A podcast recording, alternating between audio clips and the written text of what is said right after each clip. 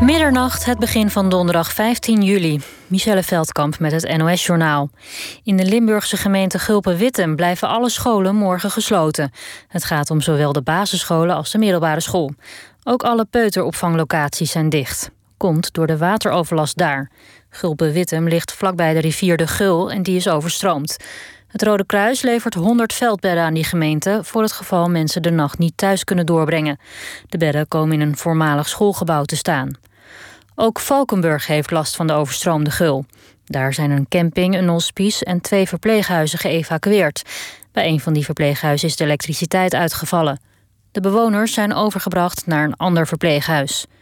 Het gemeentehuis van Valkenburg blijft de hele nacht open. Mensen die door het hoge water hun huis uit moeten of verstoken raken van gas, water en licht kunnen er terecht. Ook in andere rivieren blijft het water voorlopig stijgen. De rivier de Roer in het midden van Limburg bereikt vannacht of morgen naar verwachting de hoogste gemeten waterstand ooit. Enkele tientallen huizen langs rivier zouden volgens de veiligheidsregio risico lopen om onder te lopen. In andere provincies, zoals Gelderland en Overijssel, worden ook maatregelen genomen tegen het hoge water. In de omgeving van Nijmegen worden campings die pal naast de Waal liggen ontruimd. De pontjes op de rivier zijn uit de vaart. In Overijssel worden gasten op laaggelegen plekken gevraagd te vertrekken. En in Deventer worden terrassen op de kade van de IJssel opgeruimd. En dan het weer. NOS-weerman Peter Kuipers-Munneke zegt dat er in Limburg de komende uren geen grote hoeveelheden regen meer gaan vallen. Voorlopig blijft het er droog. Dat geldt niet voor de rest van het land. De neerslag valt na middernacht meer ten westen van Limburg, in een brede strook van Groningen tot Noord-Brabant. Morgen overdag nog kans op flinke buien in de oostelijke helft van het land, maar vanaf het eind van de middag wordt het overal droog. Het wordt 20 tot 23 graden. Dit was het NOS Journaal. NPO Radio 1. VPRO. Nooit meer slapen.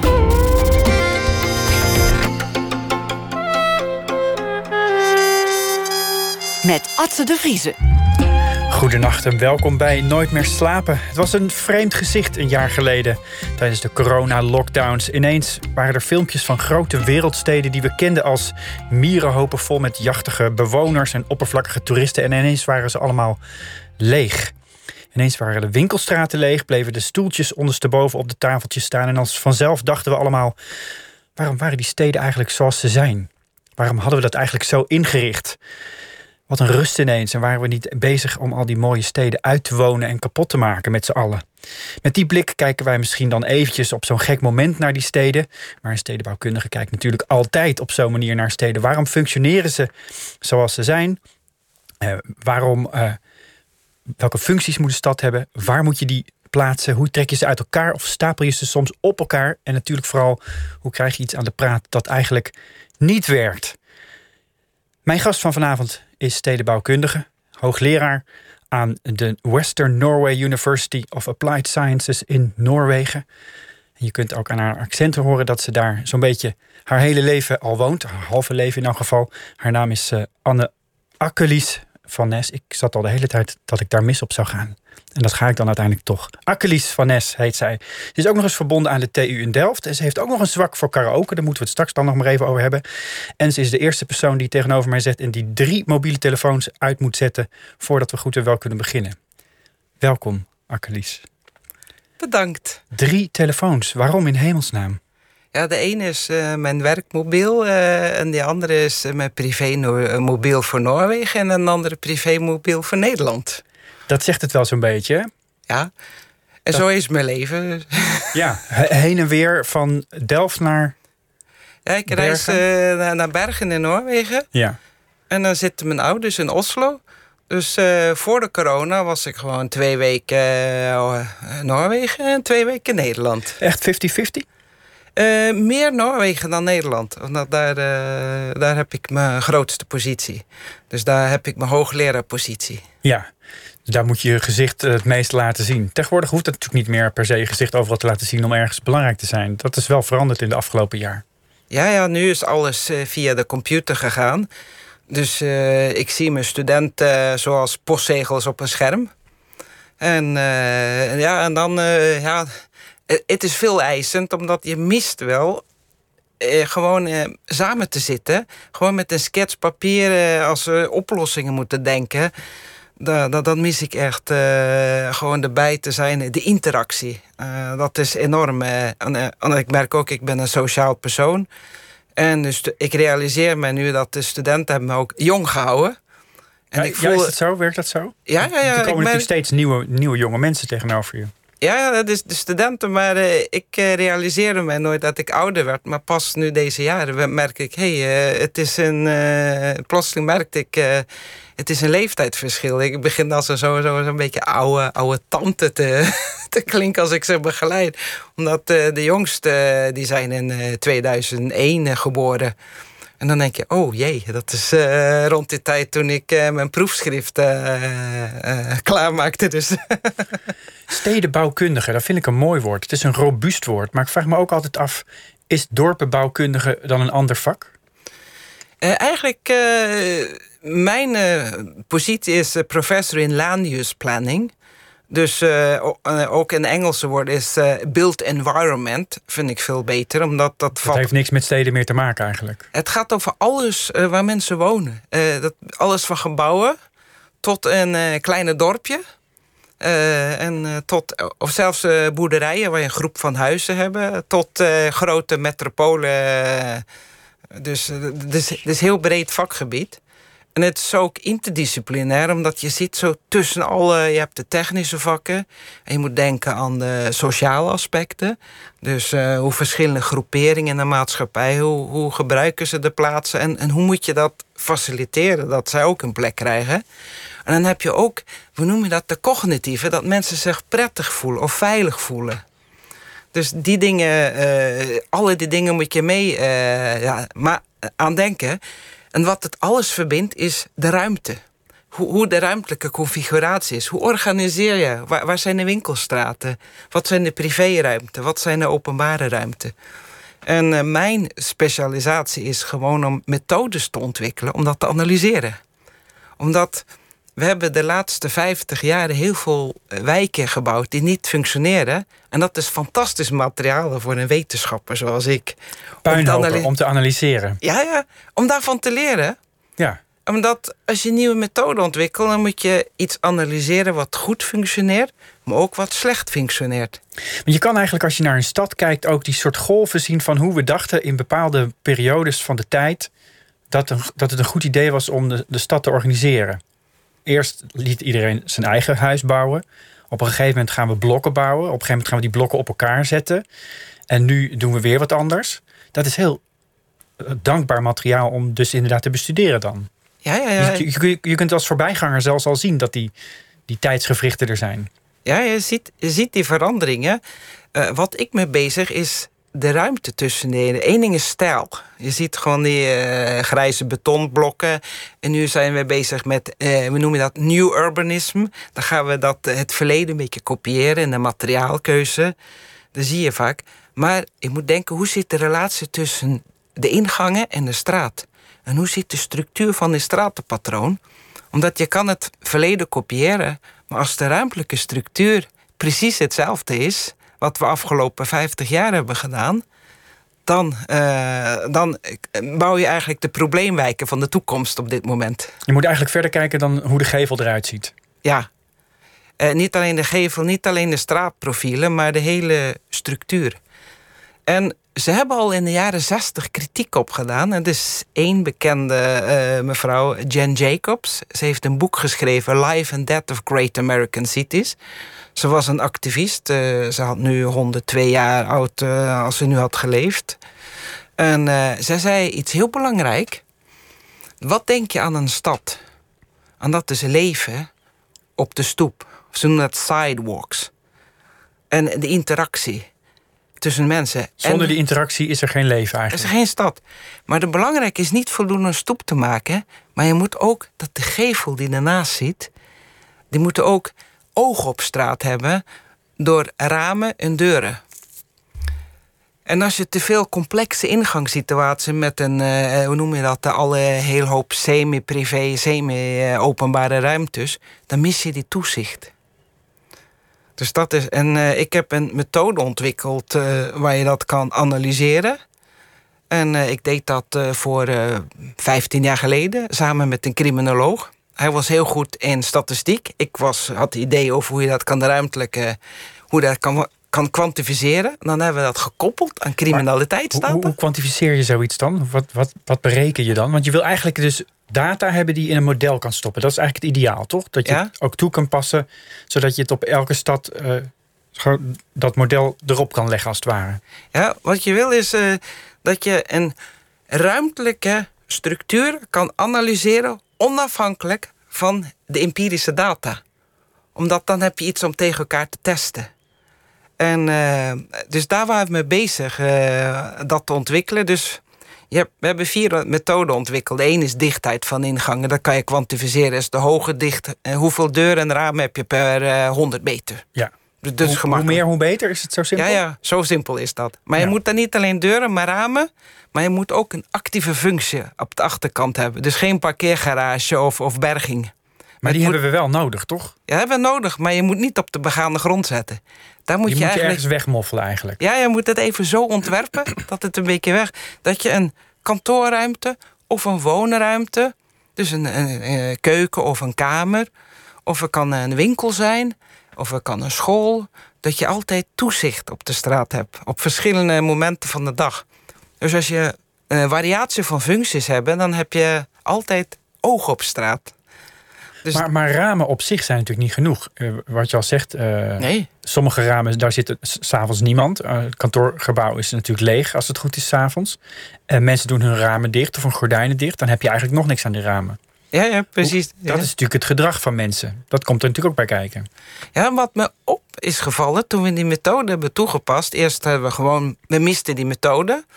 Dat hebben een methode die heet Space Syntax. Die is in Londen ontwikkeld. Daar hebben ze alleen de stad geanalyseerd, de stratenpatronen. En dan de ruimtelijke structuur binnen gebouwen. Maar die verbinding tussen de gebouwen en de straten, dat miste. En toen, eh, we hadden die eh, methode niet. Dus in 2004 dan hebben we gewoon eh, zelf moeten ontwikkelen. En toen hadden we ook niet Google Street View. Dus we moesten gewoon lopen. Dus we hebben 1200 straten gelopen. In Londen. Nee, in, in, in Nederland. Ja. In Alkmaar en Gouda. En dan hebben we twee wijken gekozen. Om te fotograferen? Of... Nee, gewoon eh, kwantificeren, tellen. Dus we hebben 25 verschillende kentekingen. eh, of wat we hebben, alle- alles geregistreerd. En toen kwamen er vier dingen uit wat een invloed heeft op veiligheid en criminaliteit. En de ene is dichtheid van ingang en ramen. En ook hoe, in hoeverre maar of op één kant van de straat zit of op beide kanten. Heb je ramen en deur op alle twee kanten van de straat, dan heb je veel meer eh, sociale controle. En dan geeft dat geeft invloed op de inbraakrisico. En het derde wat we hebben ook uitgevonden is de aantal semi-privé ruimtes die je hebt van de straat tot je privéwoning. Dat speelt ook een rol. Hoe, hoe langer die Maar wat zijn afstand. dat semi-privé ruimtes? Dat, dat je gewoon een denken? voortuin hebt en dan heb je, moet je naar de zijkant van een gebouw en dan loop je op de achterkant van het gebouw en dan heb je de ingang en dan heb je daarin zo'n semi-privé ruimte voor je naar je appartement komt. Ik noem dat complexe ingangssituaties. Ja. Een soort gedeelde ingangen vaak ook. Ja, ja, dat, de- ja, dat kan ook zolang als eh, de ramen op de begaande grond dat iemand naar de straat toe kijkt. Maar dat is, dat, is, dat is goed of is dat een blokkade? dit is heel goed, maar het belangrijke is dat de ramen, eh, dat iemand toezegt dat die woning op de begaande grond, die moet wel direct toegang naar de straat hebben. Dat is belangrijk. En dat zie je ook bij eh Bijlmermeer in Amsterdam. Ja. van die hoge flats. En dan zie je een paar eh, delen, een paar blokken hebben ze weer terug. Zijn ze weer teruggegaan met de rijtjeshuizen. Met eh, woningen eh, op de begaande grond. Want eerst had je als het ware een soort eh, betonnen blokkade. Je had een ingang waar alle mensen die in die flat woonden naar binnen gaan. Maar dat, dat is eigenlijk niks, daar woont niemand. Ja, en, En- twee eerste verdiepingen waren berging. Precies. Ja. De, de, de, de beruchte kelderboxen, zeg maar zeggen. Ja. En nu zie je een paar van die flats in Belmermeer zijn ze veranderd. Dan hebben ze een kleuterschool bijgezet. En sommige hebben ze naar woningen eh, gezet. Dus je ziet een transformatie. Dus ze hebben wel geleerd van de fouten. In hoeverre werden, werd er überhaupt op zo'n manier nagedacht in bijvoorbeeld het vooroorlogse ontwikkelen van steden en het net na de oorlog ontwikkelen van steden? Daar werd neem ik aan ook visie op losgelaten, toch? Ja, ik denk dat meer dat we, mensen, we hebben meer en zo, we gaan meer individualistisch worden. Dus uh, en zo gaan ook de architecten meer dat plannen. En wat ons opviel, uh, uh, toen ik, de criminoloog is heel goed, hij, zijn naam is Manuel Lopez. En hij was heel goed in de statistiek. En dan zei ik tegen hem, kan je even testen hoe het zit met, met de type woningen, de bouwjaar. En wat ons opviel is, hoe meer moderner de wijk is hoe meer heb je van die kronkelige straten, hoe verder weg, uh, hoe hoger aantal richtingsverandering van de hoofdroutes. En hoe meer de ingangen zich wegdraaien van de straat. Dat was op dat moment dus kennelijk de mode. Ja, dat, dat wordt steeds meer, uh, meer moderne. Dat, uh, dat, je ziet in uh, nieuwe nieuwbouwwijken dat vaak de ingang weg van de straat is gedraaid. Of verstopt ze achter zo'n schuurtje of een schermpje. Dan heb je het ook bijvoorbeeld over de Vinex-wijken. Ja. ja. Die eigenlijk heel rustig zijn, allemaal eenrichtingswegen. Waardoor je er niks te zoeken hebt als je er niet woont. Ja. Maar dat, dat heeft dus het voordeel dat je in een rustige wijk woont. Maar het heeft dus kennelijk ook nadelen. Ja, wat we hebben ontdekt is. Uh, uh, wat ons opviel is dat vaak in die rustige Vinex-wijken. Uh, vaak hadden ze ook een hoge inbraakrisico als ze geen politiekeurmerk veilig wonen op de sloten hadden. Vaak hebben ze, hadden ze heel veel camera's en toes, ja, alle soort alarmsystemen. Omdat er geen natuurlijk, hoe noem je dat, bewakingsmechanisme is. En, dus als er zo'n sticker op de deur zat, dan wisten ze van nou, dit huis slaan we even over. Maar anders dan was het eigenlijk te, te kwetsbaar. Ja, maar wat we ook uh, merkten, dat uh, vaak huizen die goed verstopt zijn achter hoge hekken en, en, en uh, bosjes, die, waren, die waren heel populair bij inbrekers.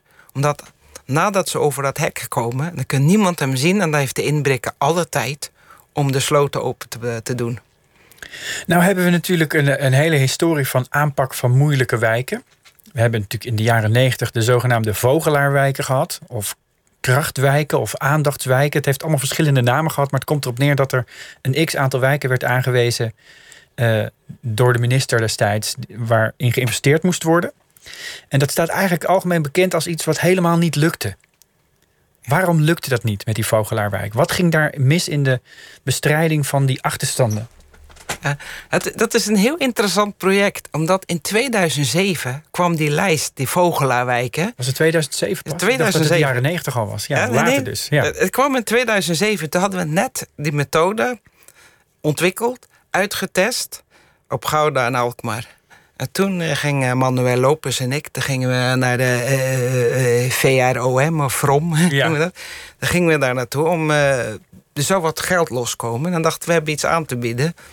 Maar ze zeiden dat het initiatief om te verbeteren moest van de wijk zelf komen. En dat is gewoon jammer.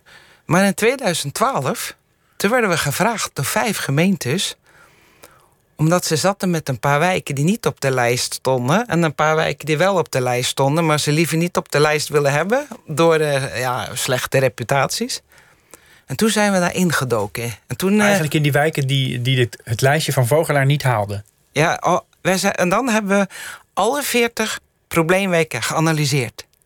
Met de Space Syntax methode en dan onze ontwikkelde microschaalmethode.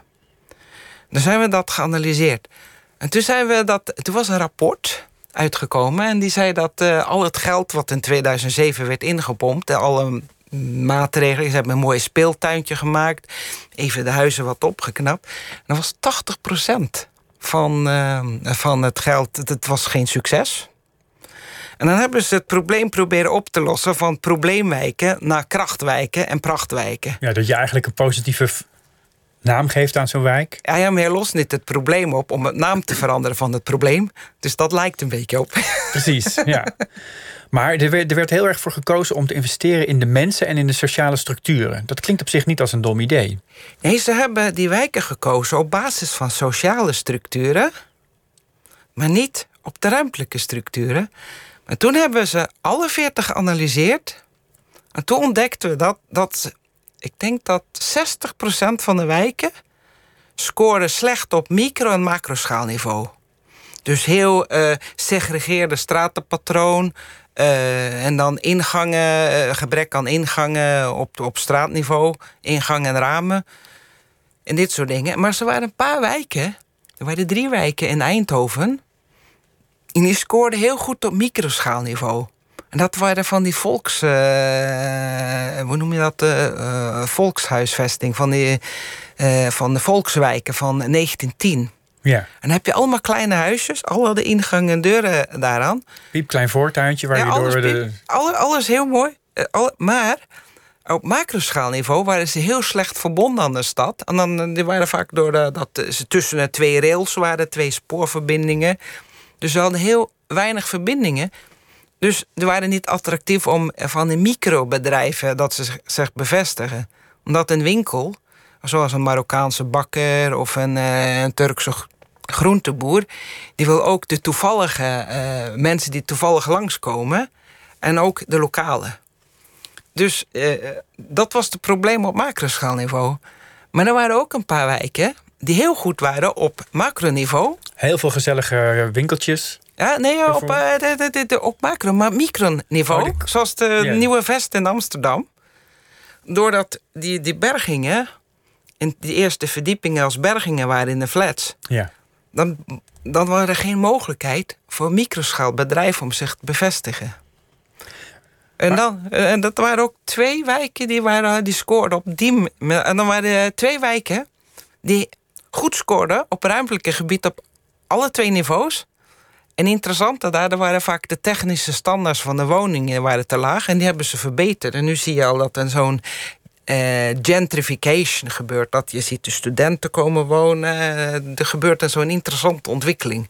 En dat gaat vanzelf. Gentrification, dat is wel een beetje een vies woord geworden. Hè? Dat, Ja. is een, dat is een pijnlijk woord, omdat het is aan de ene kant een logisch procedé... dat je creatieve mensen in zo'n wij- wijk zet... dat je kans geeft aan eh, leuke, frisse, creatieve bedrijven... om ergens te gaan zitten, maar vervolgens worden de oorspronkelijke bewoners weggejaagd. Ja? Ik denk dat en gentrification is een goede aansteker om een wijk omhoog, die, niet, die heel, eh, hoe noem je dat, eh, niet goed functioneert. Dat de mensen daar, hoe nou ik zeggen, er gebeurt wat. Dat kan heel goed, maar als het echt helemaal over gaat nemen, dat, dat is het ook niet Hoe goed. voorkom je dat dan? Want op een gegeven moment, als het, dat ga- dat gaat, je zegt het gaat vanzelf... op een gegeven moment gaat het ook vanzelf door, toch? Ja? Dan is het belangrijke van de overheid een beleid te hebben om eh, woningen te voorzien voor eh, de mensen, die, de, de zwakste in onze maatschappij. Dat die bewaard wordt. Dat is heel belangrijk. In, bij die vogelaarwijken was een van de strategieën ook om te zeggen... we gaan zorgen dat die, die populatie zich wat, wat diverser gaat gedragen. Dat je, dat je niet alleen eh laag opgeleide mensen... of mensen met laag inkomen in die wijk hebt... dat je ook studenten erin krijgt... dat je mensen eh, twee verdieners krijgt... dat je die wijken gemengder maakt. Was dat een dom idee? Ik vind dat een goed idee, maar dan moet het ook een, de ruimtelijke ondersteuning hebben. Dat is belangrijk. Als die daar niet is, dan wil niemand daar ook investeren. Dat Wat, gebeurt bedoel je, wat, wat, wat moet ik dan begrijpen als de ruimtelijke ondersteuning? Dat betekent dat eh, de wijk goed verbonden moet zijn aan de rest van de stad. En dat je ook op microschaalniveau dat, dat het een veilig gevoel geeft om, om, om daarin te lopen. Dus eh, dat, dat je. eh, dat, je merkt, we hebben ook onderzoek gedaan over hoe mensen die wijken gebruiken. Dus je loopt rond een rondje en dan ga je registreren waar zie je mannen, waar zie je vrouwen, waar zie je kinderen. En dan ga je ieder uur een rondje. En dan zie je sommige plekken dat je plotseling alleen mannen op straat ziet. En zie je geen vrouwen. En die durven daar niet te gaan. En dan zie je op sommige plekken zie je een vermenging tussen mensen van verschillende culturen. Dus vrouwen, mannen en kinderen. En dat zijn vaak eh, goed ge- geïntegreerde ruimte. En daar komen mensen daar naartoe om contact te zoeken. En dan, eh, en dan hebben we ook ooit een data eh, van de politie in Rotterdam gekregen. Op straatresolutieniveau over eh, sexual harassment. Dus, Ja. dus alles, alles van verkrachting tot eh naar fluisteren. dus van alles. En dan hebben we dat gekoppeld aan onze ruimtelijke analyse, maar ook aan de data. Dus we hebben geregistreerd hoeveel mannen, hoeveel vrouwen op iedere straatsegment. En wat de eerste wat we, waarin geen vrouw is, kan er geen seksuele intimidatie gebeuren. Maar wat ons opviel, was Je hebt het centrum, de integreerde straten, maar alle zijstraten, waar de gebrek aan uh, toezicht waren van ramen en deuren, daar gebeurde, dat was het grootste risico op uh, seksuele intimidatie. Dat viel op. Maar ik, ik snap dit heel goed. Ik, ik ben zelf een man. En als ik langs een plek kom waar alleen maar mannen zijn. Ik, ik, ik ga bijvoorbeeld als ik hierheen rij naar, uh, naar deze studio, zo laat op de avond, dan rijd ik langs een vast tankstation in Utrecht Overvecht. En er staan altijd mannen in auto's. Ik weet niet wat ze doen. Maar die, dat ziet er toch op de een of andere manier imponerend uit. En als er dan twee blonde vrouwen uit die auto stappen om te gaan, gaan tanken, dan komt er een soort gebulder los. Een soort van oerkreten. Ik heb, dat, ik, heb daarnaar staan kijken en ik dacht, dit, dit is vreselijk om mee te maken als je even gaat tanken. Die vorm van intimidatie is eigenlijk het, het ergste wat je kunt hebben in een openbare ruimte, lijkt me. Hoe kun je dat voorkomen dan op dat soort plekken? Op het moment dat je constateert dat er eigenlijk geen vrouwen durven te komen, wat kun je dan doen om dat te veranderen? Uh, het is altijd heel moeilijk om een uh, cultuur te veranderen. Eén ding is wat in de cultuur zit. Dus uh, hoe, ben, hoe ben je opgevoed als, ja, als, man. Jong, als man en ook als vrouw, zo te zeggen. Ik ben in Scandinavië, in Noorwegen opgegroeid. En daar kwam dit soort problemen heel weinig voor omdat als iemand zo me intimideren, dan ging je gewoon terug zeggen: Hallo, even gedrag je netjes. Of, dus daar kwam heel weinig voor wat ik uh, meegemaakt. Of je ging gewoon terug iets zeggen. En, maar één ding is een cultuur. dat duurt even voordat het verandert. Mm -hmm. dat is het ene ding. Maar op de andere is plekken waar je een natuurlijke vermenging van verschillende typen van mensen krijgt, een so sociale controlemechanisme. En vaak tankstations liggen ook een beetje afgelegen en vaak ook in het donker. Uh, dat heb je ook zo'n, ik noem dat een flip-over effect. Dat vaak levende winkelstraten, die kunnen heel veilig zijn als de winkels open zijn. Maar op het moment als de rolluiken voor zitten en alles gesloten is, worden ze heel onveilig. En dat is een flip-over effect. Je, je, zegt, ik heb, ik heb rondgelopen in straten, geteld, gekwantificeerd. Ja. En ik neem aan, ook als je ergens bent en als je ergens naartoe reist, kijk je ook naar sferen en je, je doet ook observaties zonder puur met een noodblok alles echt te tellen. Welke stad is nou daadwerkelijk inspirerend op dit vlak? Eigenlijk alles, omdat ik, uh, ik word vaak uitgenodigd rond de hele wereld om uh, space syntax workshops te geven, van die software, lezing te geven. Maar ik ben ook een citywalker. En het mooiste is, uh, we zijn er zo'n groep die de space syntax methode gebruikt wereldwijd. En ik heb een hele goede vriend in Egypte. En zijn naam is Abdel Basir. En hij is ook een citywalker als ik. En toen werd ik uitgenodigd naar zijn familie thuis. En uh, zijn ouders kunnen niet lezen en schrijven en hij is gepromoveerd. Maar toen heeft hij zijn woning, de ruimtelijke structuren en een cultuur in die termen van space syntax verklaard. Maar dan zijn we allebei zijn we op uh, ja, van, die, van die, hoe noem je dat, sloppenwijken, zijn we gaan rondlopen. Met z'n tweeën ontdekken. Ik moest natuurlijk zo'n hoofddoekje aandoen. Maar we konden eindeloos kilometers maken. En dat was zo spannend. En dan zijn we ook op congressen geweest. We waren in eh, Korea, daar was ook een eh, internationale Space Syntax Symposium. Dan zijn we ook gaan rondlopen in Korea, in verschillende wijken.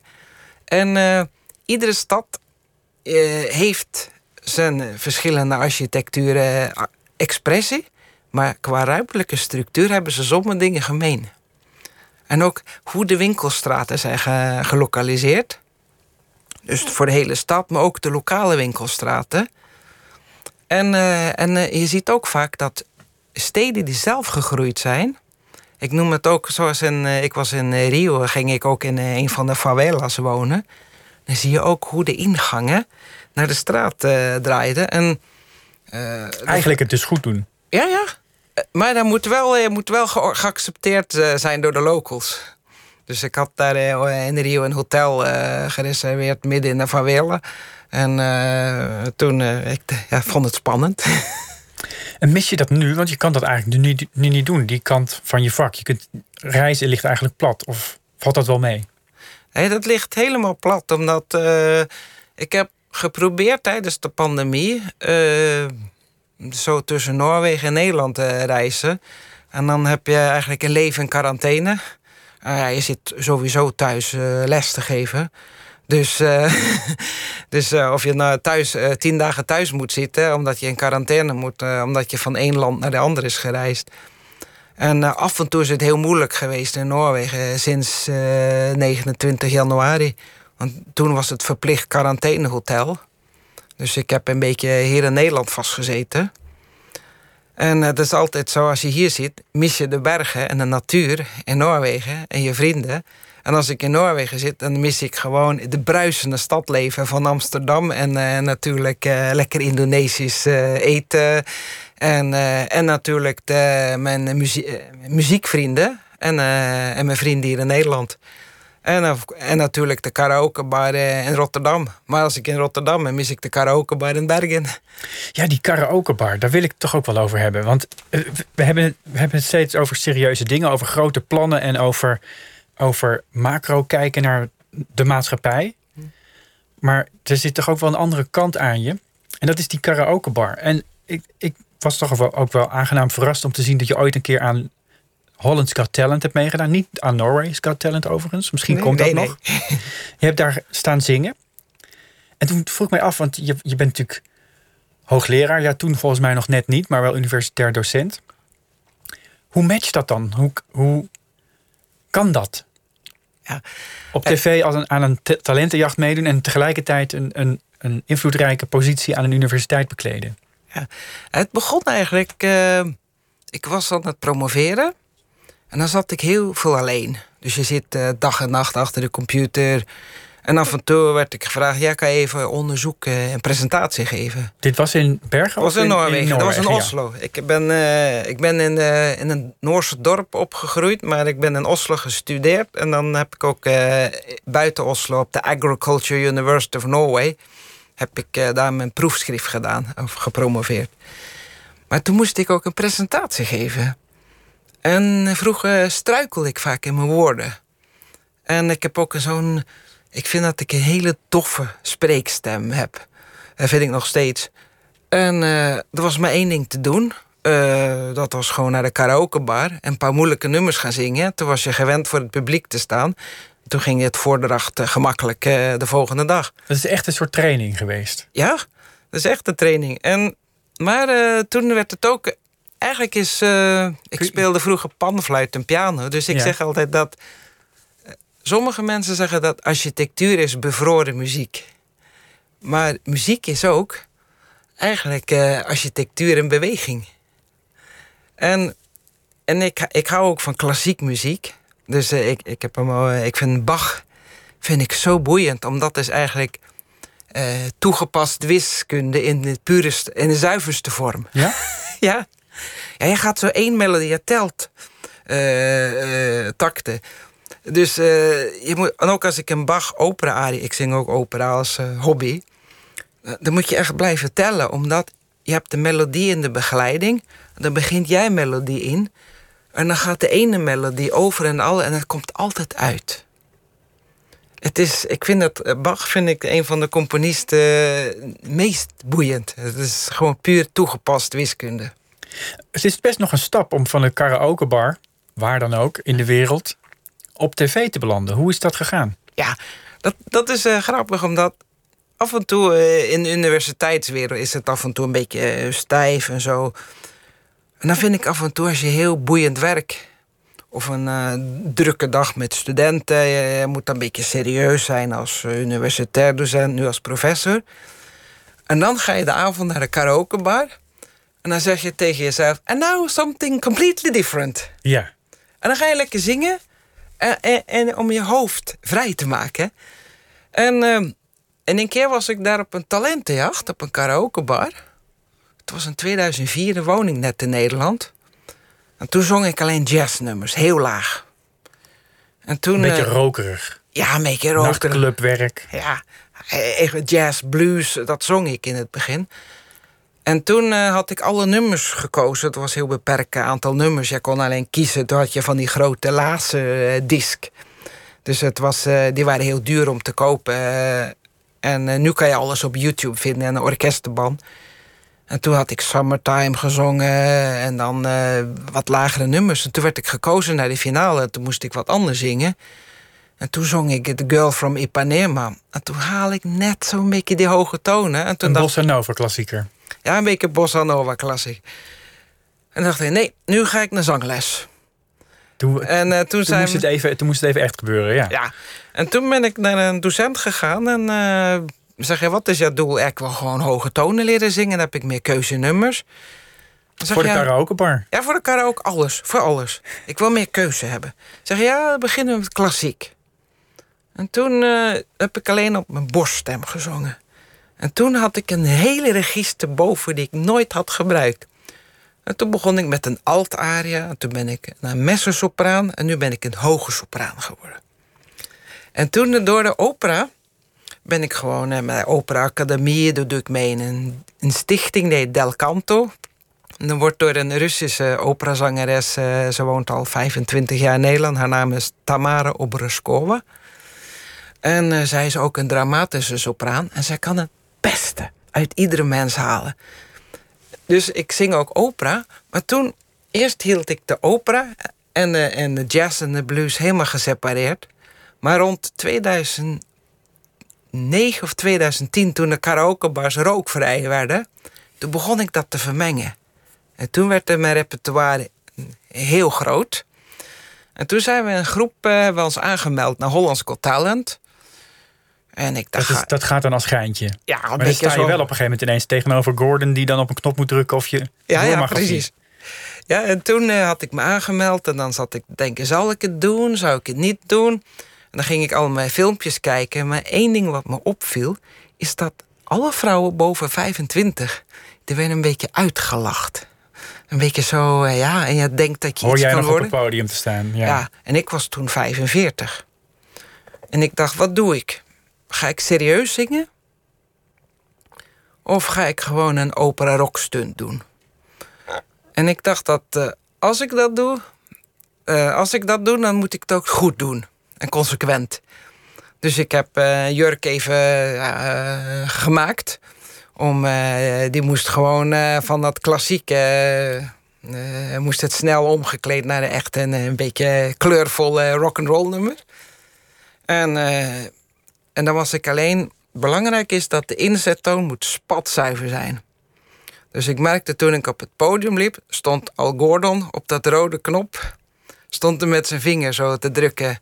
En dan dacht ik, oh jee. Eh, en dan gaat de eh eruit, jij. En dan dacht ik, oké, één ding. De inzettoon moet spatzuiver zijn. Toen heb ik gewoon eh, Ave Maria gezongen. En de hele zaal ging staan, maar dat wordt niet op televisie gekomen. En, eh, en op een gegeven moment eh, dan, eh, ging je de jurk uit. En dan was het Good Gale Miss Molly. Good zat- Gale er zat- Miss Er zat nog Molly. een jurk onder. Het was Ja, echt, ja, Een, het was echt een tv-act eigenlijk. Ja, een tv-act. En dat was Maar het ik vind- Ik vind dat wel verrassingsmoment. fascinerend. Want Als ik bijvoorbeeld, ik zat een filmpje op te zoeken op YouTube. Ik dacht, ik wil toch meer weten over die space syntax theorie. Dat, dat is overigens een fantastisch woord. Het klinkt als een nieuw hobbyproject van Elon Musk. en ik, ik zat er naar te kijken en ik, ik, je, legt het daaruit. En ik dacht na vijf minuten, ik snap er nog steeds helemaal niks van. Het is eigenlijk, als je het goed wil uitleggen, want je legt het nu heel aanstekelijk en eh, toegankelijk uit. Maar als je het echt wil begrijpen, is het heel theoretisch en heel, eh, he- heel moeilijk eigenlijk wel. Je moet het toegankelijk zien te maken, ook voor studenten. Ik kan me ook voorstellen, als je zo, zo praat over zo'n karaokebar en die flair en het vertalen en zelfs Gordon proberen te overtuigen met een act, dan moet je dat op de een of andere manier ook vertalen richting het college geven. Is dat ook een bepaalde manier van performen? Dus Ja, ja. Je gaf eigenlijk het antwoord al, omdat je zei van ik moest iets aan mijn voordraagstem doen. Ja. Eh, je- Dat merk je als je ook op het podium zit, maar ook als je voor een klas staat. En als je merkt dat de studenten, ook zou, zou ik zeggen, hun oogleden van de, binnen, eh, van de binnenkant begint te studeren. Dus dat ze in slaap vallen. Letterlijk. Ja, zo te zeggen. Dan, je moet het eigenlijk, eh, als je dat doet, dan ben je, dan ben je slecht bezig. Of eh, ben je te lang bezig. Dus je moet het ook heel levend brengen. En ook de studenten engageren. Dat is heel belangrijk. Dus ik probeer college te geven, voorbeelden geven, maar ze moeten ook zelf doen. Dus dat, dat is het. En Space Syntax is ook toegepast wiskunde in stedenbouwkunde, omdat je berekent dat. Ja. En uh, om het meer kleurvol te maken, dat hebben ze op UCL in Londen gemaakt. Dus die methode, de, de berekenmethode, is ontwikkeld door professor Bill Hillier. En door de jaren heen hebben we iedereen een steentje bijgedragen. Ik heb ook een formule even bij geëxperimenteerd. En toen werd het in 2009 en toen werd het vervangen in 2012 door een andere die nog beter was. En dat functioneerde beter. Dus zo gaat het door de jaren heen. Maar het mooiste is ook dat de studenten ook mee beginnen te experimenteren. Dus ik heb een paar hele goede studenten door de jaren heen gehad. Van alle hoeken van de wereld. En die zijn nu gepromoveerd ook uh, in hun verschillende landen. En passen dat toe ook op hun onderzoek. En ze zijn veel sneller met computers dan wat ik ben. Dus dat vind ik heel mooi uh, te zien. Ja, want je, je zei net al van ja, toen hadden we nog geen Google Street View. Ja? Er, er is, is, ook buiten de, het eigen onderzoek natuurlijk steeds meer technologie beschikbaar om dit soort onderzoek te doen. Ja. Dat lijkt me heel interessant. Ja, dus de computers zijn sneller, de rekenkracht zijn sneller. En ook op die manier ontwikkelde methoden zeg. En nu heb je ook eh, GIS, geografische informatiesystemen. En je hebt OpenStreetData, dus je kan files downloaden. En dan kan je over gegevens van de wijk, over uh, uh, samenstelling van, uh, van ja, hoe, hoe de bevolkingsgroepen zitten, de inkomsten van de doorsnee-inkomsten van de wijk. Alles kan je krijgen. En dat is ideale materialen voor de space syntax methode, omdat kan je dat aan testen. En op die manier krijgen we nu veel meer empirische ondersteuning dan hebben we veel meer materiaal om goede theorie, eh, theorieën te ontwikkelen eh, in de stedenbouw. En dat hebben we hard nodig, omdat daar zijn we alleen bij het begin nu. En wie, wie, wie doen er vervolgens iets met die kennis? Zijn architecten daarmee bezig? Zijn gemeentes daarmee bezig? Hoe, hoe vertaalt die wetenschappelijke kennis zich naar de daadwerkelijke steden? Ja. Het is altijd zo, als je begint met het onderzoek, dan ben je, ik ben een beetje zo, ja, eh, ik was een pionier in Noorwegen en ook eh, sommige maten in Nederland met die Space Syntax methode. En uh, toen heb ik die nieuwe Rijnlandroute geanalyseerd, dat was in 2003. Daar had je een vereniging Delta Metropool. Toen was een professor. Wat is het ook alweer, de Rijnland? Dat is die nieuwe verbinding tussen de A4 en A44 en Leiden dat tot nu toe, als je probeert tussen die twee snelwegen te, te komen, dan sta je vast in de file in, in Leiden. En dan hadden ze een paar voorstellen eh, in 2003.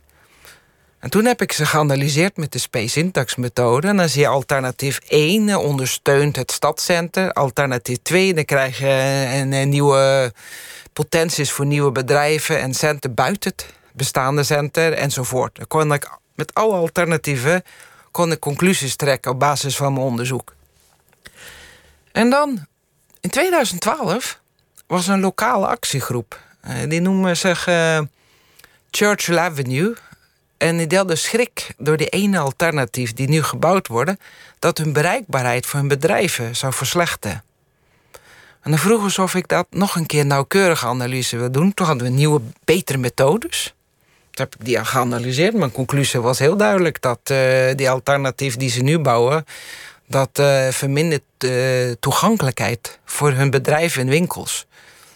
En, dus ze hadden eigenlijk gelijk met hun protest? Ja, ja, ze hadden gelijk. En de winkeliers die voelen dat. Die hebben zo, hoe noemen we dat, een feeling. Waar, waar moet ik mijn bedrijf plaatsen om, om, om, om zoveel mogelijk klanten te bereiken? Eh, en nu wordt die uh, route gebouwd. Uh, omdat de, de, de provincie en die, die, die waren, ze hebben gebaseerd op de berekenmodellen van de stratenbouwingenieurs. Omdat die zijn veel langer bezig dan Space Syntax. Space Syntax vrij nieuw. Maar het mooiste is, wat ik hoop, voordat ik op pensioen ga... dan wil ik zien, gebeuren die dingen wat ik vermoed zou gebeuren. Wat gebeurt nu in 20 jaar, nadat die route gebouwd is, of in 10 jaar, tussen 10 en 20 jaar, wat gebeurt in, in, in eh, op het grond rondom uh, die nieuwe weg? Of bij de kruispunten. Daar ben ik heel nieuwsgierig naar. En Nederland is wat dat betreft natuurlijk een interessant land, want alles zit dicht op elkaar, dus alles heeft direct impact op elkaar. En Noorwegen is natuurlijk weer een heel ander land. Of ja. niet? Ja, ja, ja. Uh, Nederland heeft een veel meer urbane cultuur dan Noorwegen. Bijna alles is stad.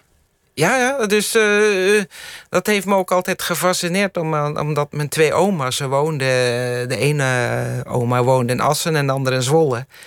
En uh, iedere keer als ik naar Nederland ging, dat was één tot twee keer per jaar, gingen we naar de stad toe en naar de markt. Dat vond ik zo spannend. was zo boeiend. Maar toen ik die hoogleraarpositie kreeg in Bergen. Uh, ik was Oslo gewend. Oslo is een redelijk uh, grote stad. Daar had ik heel veel geanalyseerd. En uh, was ook een, een van de voorbeelden van mijn proefschrift. En toen ik met de vliegtuig daar vloog en ik neem een bochtje rond in Bergen. En dan zie je alleen steen en bergen en bergen. En dan zie je zo'n piepkleine center. En een kwartier lopen ben je van de ene kant naar de andere. En dan dacht ik, wat moeten ze eigenlijk met mij hier? wat, wat, is dit wel een stad? Ja. ja. En, maar wat je rond zag, is wel wat je noemt urban sprawl. Dus je hebt heel veel van die. Uh, van die, iedere familie heeft zijn eigen huisje. En het is heel autoafhankelijk.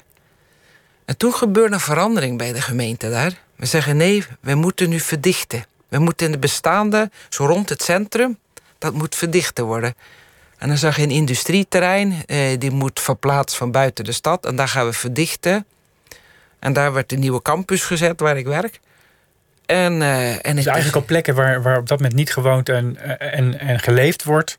Ja, ze wonen, die de mensen weg. Wonen, nee, ze wonen daar, maar je moet verdichten. Er zit heel veel ruimte die niet optimaal benut zijn. En dan uh, was net de ene, uh, hoe noem je dat, de light rail lijn klaar. En dan precies waar de campus zit, komt een tweede lijn erbij. En die kruisen juist daar. En is ideaal gebied. En daar kan ik de studenten losmaken. Of maak een analyse van het huidige situatie. Vergelijk dat met de binnenstad van Bergen. En vanuit daar moeten jullie strategische maatregelen nemen. Hoe kunnen we dat verbeteren? En daar zijn ze mee bezig. En de gemeenten hebben ook interesse erin. Dus er is een enorme interessante ontwikkeling daar op gang. In, in hoeverre verschilt die, die academische situatie in, in, in Noorwegen van de situaties die, die je kent vanuit Nederland? Hoe, hoe, hoe anders is die wereld daar? Uh, het is in Noorwegen enorme verandering op gang omdat uh, je hebt heel veel van de vroegere, we noemen dat University College. En die werken naar een universiteitsstatus. En daar zijn we ook mee bezig. Binnen twee jaar worden we ook een volle universiteit. Maar om een masterprogramma te maken, dan moet je heel nauw samenwerken met de gemeente, maar ook met de verschillende uh, consultancy firms. Uh, dus uh, architectenbureau of ingenieursbureau. En dan moeten we ook vragen: wat voor kennis willen jullie dat de studenten hebben als ze afgestudeerd en meteen naar jullie willen werken? Want we willen niet mensen opleiden tot werkloosheid. En we werken ook in heel nauwe samenwerking met de gemeente en ook met de provincie. En ook met verschillende bedrijven. En zij hebben interesse in ons onderzoek.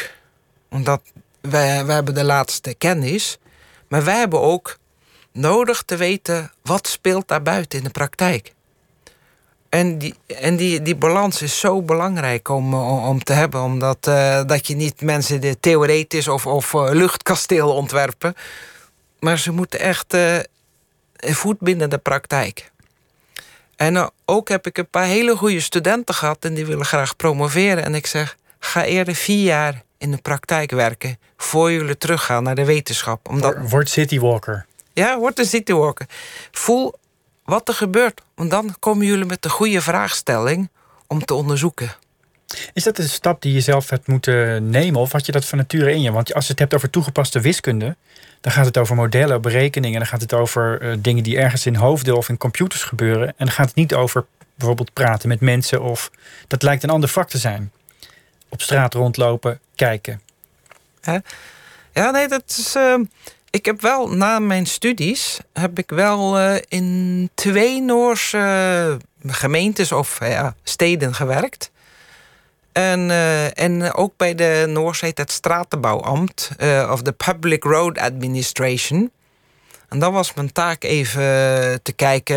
Je weet, eh, we, noemen dat ingenieurkunst. Waar ze gewoon een snelweg eh, hebben gebouwd. En dan met de hele lelijke, zo door de berg heen gesneden hebben. Niet netjes afgewerkt. Dus men verantwoordelijk was naar het esthetisch te kijken. En daar heb ik het idee gekregen voor mijn proefschrift. Omdat dan merkte ik, we missen methoden om te analyseren als je een weg om de stad heen legt. Wat gebeurt met de winkelstraat? Wat gebeurt met de center? center? En toen heb ik een, eh, een, onderzoeksvoorstel geschreven. En dan heb ik bij. Uh, was een uh, AIO-positie, noemen ze dat in Nederland. Een doctoraatpositie. En dan heb ik daar gesolliciteerd en dan heb ik die gekregen. En, en drie jaar later had ik mijn proefschrift af. Ben ik ook een jaar naar Londen toe gegaan, omdat ik, had, ik moest die space syntax methode leren. En daar ben ik in een internationale netwerk terechtgekomen. En, uh, en zo is het verder uh, zich ontwikkeld. Je sprak je een tijdje terug in de Volkskrant vrij hard uit over het academische milieu in Nederland als het gaat om vrouwen die de top halen. Is dat in Noorwegen anders? Ja. In het gaat om een aantal hoogleraren bijvoorbeeld. Ja, in mijn vakgebied zijn we ongeveer bij de 45. Ik denk dat benaderen ons de 50% uh, hoogleraar die vrouwen zijn. Dat is een, een technische ja. hoek. Daar wordt, het, het, beeld daarvan is dat zijn allemaal mannen. In Delft lopen sowieso alleen maar mannen, toch? Ja, je ziet al een paar vrouwen hoogleraar worden, maar die hebben, eh, die hebben een cv dan denk ik, wauw, een publicatielijst. En uh, als ik dan uh, die cv zeg, wauw, dat is... Uh, imponerend. Heel imponerend. Er zijn, ik, ik, noem dat van die supervrouwen. Maar ik, ik wou graag ook dat er meer vrouwen zijn... die ook kinderen hebben. Omdat in stedenbouwkunde, dat gaat over voor iedereen. je ziet al hoe de stedenbouwkunde, zoals de technische ontwikkeling, zoals de auto, de privéauto, heeft een hele sterke rol gekregen in stedenbouwkunde. Maar we missen uh, ook een begrip hoe met, met kinderen en een straat spelen. En uh, je merkt dat uh, ze klagen over dat kinderen veel thuis zitten computer spelen. Maar kijk naar de uh, outdoor. Ja, kijk ons rond. Waar kan je een kind van drie jaar kan niet zomaar op straat rennen en dan plotseling voor de auto en het verkeer. En dan denk je, we moeten, we moeten verschillende type mensen van, die ook in hogere functies, die ook het onderzoek doen. Zoals ik heb één interesse, uh, dat wil ik graag ooit een onderzoeksvoorstel uh, schrijven. En dat is vooral uh, hoe teenage meiden de openbare ruimte gebruiken. Want ik heb, ik heb wat registraties gedaan en dat valt me heel op. Ik, je, je ziet gewoon, waar zie je de hangjongeren, waar zie je man, vrouw en zo. Maar wat me opviel was vooral immigratievrouwen en ook teenage meiden uh, waar, waar kunnen ze zijn in het openbare ruimte? Die, hebben, die krijgen weinig ruimte, bedoel je? Ja, ze hebben geen plek. En hoe gedragen ze zich? En ik denk dat het wat vroeger begint, omdat je ziet al uh, op de speeltuinen. Je hebt voor de kleine kinderen dan heb je zandbak, glijbanen om iets te klimmen. En zodra dat de kinderen groot zijn, zie je wel een uh, voetbalveld of een basketbalveld en zo. Maar dan zeg je, wat zijn dan uh, voor de meiden, voor de grotere meiden? En waar, waar, waar denk je dan aan? de, de, punt is, ze weten ook misschien niet wat ze zelf willen. Maar ik denk dat al vroeger wat ze ook zich fysiek kunnen bewegen. ze, ze vinden het leuk om te dansen, dingen samen doen. Ze moeten ook een plek hebben in de openbare ruimte. En ook ze willen graag zien, andere mensen zien, maar ook gezien geworden maar ook zich veilig voelen. voelen. Want is er, is, er, is er onderzoek, is er al onderzoek naar wat waar jonge nou, tienermeisjes behoefte aan hebben in de openbare ruimte? Of is dit, is dit eigenlijk iets wat je zou graag willen onderzoeken en waar je gedachten over hebt? Ja, is er al iets om op graag, te bouwen? Ja, ik zou graag onderzoeken. Er is heel veel op het sociologische gebied gedaan, maar niet zoveel over het ruimtelijke gebied. Dus vanuit het ruimtelijke perspectief. Dus daar valt een heel. Uh, ik denk dat dat onderzoek moet ik ook interdisciplinair doen. Dan moet ik iemand die daar gespecialiseerd is van de sociologische kant. Omdat die kunnen heel goede vragen stellen of uitdagingen voor mij geven. Hoe pak ik dat aan van een ruimtelijke perspectief? Maar dit is eigenlijk een heel concreet voorbeeld waarom diversiteit in bijvoorbeeld een hoogleraarkorps belangrijk is. Ja, ja, heel belangrijk. Eigenlijk je eigen perspectief neem je mee in wat je opvalt en waar je onderzoek over zou willen doen. Ja, en je moet ook niet, en ik noem dat een zo'n powervrouw die alleen met de wetenschap. Je moet ook iemand die ook, uh, hoe noem je dat, uh, van, het, van het leven kent. Die de karaokebar van binnen kent. Ja, ook. maar ook van, van alles. Zoals een alleenstaande moeder met twee kinderen. Of een, een vrouw met de immigratieachtergrond. En die ook een gevoel heeft voor verschillende culturen. Ik wil zeggen, ik heb één student gehad. Ze heeft fantastisch werk gedaan. Ze deed in haar afstudeerproject. Ging ze door vier wijken in Rotterdam. Ging ze registreren hoe verschillende mensen met immigratieachtergrond de ruimte gebruikten. En, uh, en dan uh, vooral in, in wijken met veel armoede. Dus er kon een verschil tussen het de Turken en de Marokkanen en de Suriname en, en de Nederlandse zin. Maar niet tussen Oost-Europa en West, Europa. Daar kon maar wat niet. voor verschil zagen ze dan bijvoorbeeld? En ze zag ze heel duidelijk dat zodra dat de straat integreerde was, zag je mannen, vrouwen en alles. Maar zodra dat eh, één of twee richtings veranderde, een heel segregeerde straat, en toen zag je gewoon dat de Marokkanen en de Turken mengen zich niet. En de mannen en de vrouwen ook uh, van elkaar uh, niet samenspeelden. En je zag op de speeltuinen dat de Marokkaanse kinderen... die speelden niet met de Turkse of met de Surinaamse. Dus gewoon in gebruik. Dus je kunt eigenlijk wel zeggen van nou, we zetten een speeltuin neer waar iedereen die in deze wijk woont met elkaar kan spelen, maar dat gebeurt dus eigenlijk niet. Nee, het is niet voldoende een speeltuin neer te zetten. Ik denk dat eh, ik was in, uh, in, Bar nee, in uh, Madrid. Toen mijn zus woonde daar en die had twee kleine kinderen. En het mooiste was dat de speeltuinen langs de integreerde straten. Dus de ouders konden op café gaan. En dan waren de kinderen aan het spelen. Het was altijd toezicht op, dit, op die speeltuin. En, uh, en dat was ook, mensen kwamen langs, je had banken, eh, die, die, die, had je die sociale controlemechanisme was daar. En toen heb ik later die stad geanalyseerd. En dan zag ik dat alle die speeltuinen, die waren bij goed gelo lokaal geïntegreerde straten. Dus uh, het, het, was een natuurlijke toezicht. En, en de gebouwen rond hadden ook ramen en deuren die naar de straat toe waren. En er waren altijd mensen op straat. Een, een, een speeltuin met een café ernaast. Dat is iedereen die kinderen heeft, weet dat dat eigenlijk wel het ultieme is. Toch? Ja.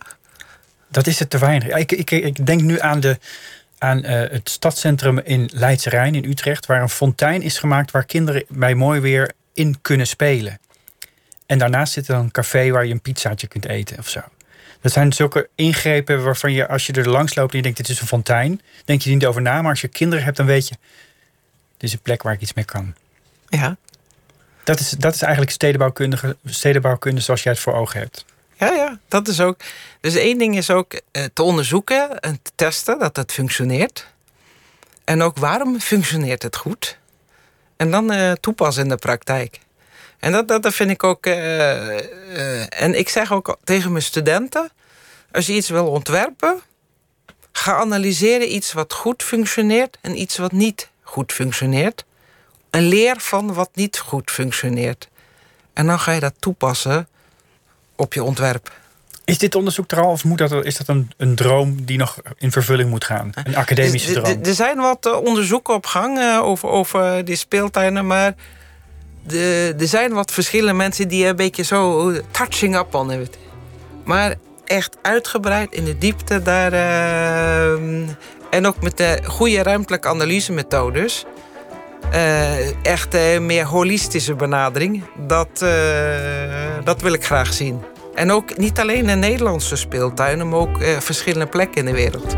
Dankjewel dat je hier was, Akkelies van Nes stedenbouwkundige. Morgen is Nooit meer slapen er weer met Fadwa El Akshawi.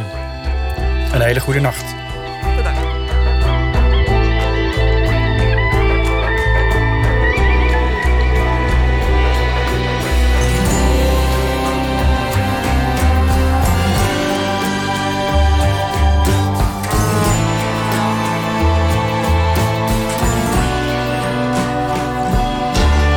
Radio 1. Het nieuws van alle kanten.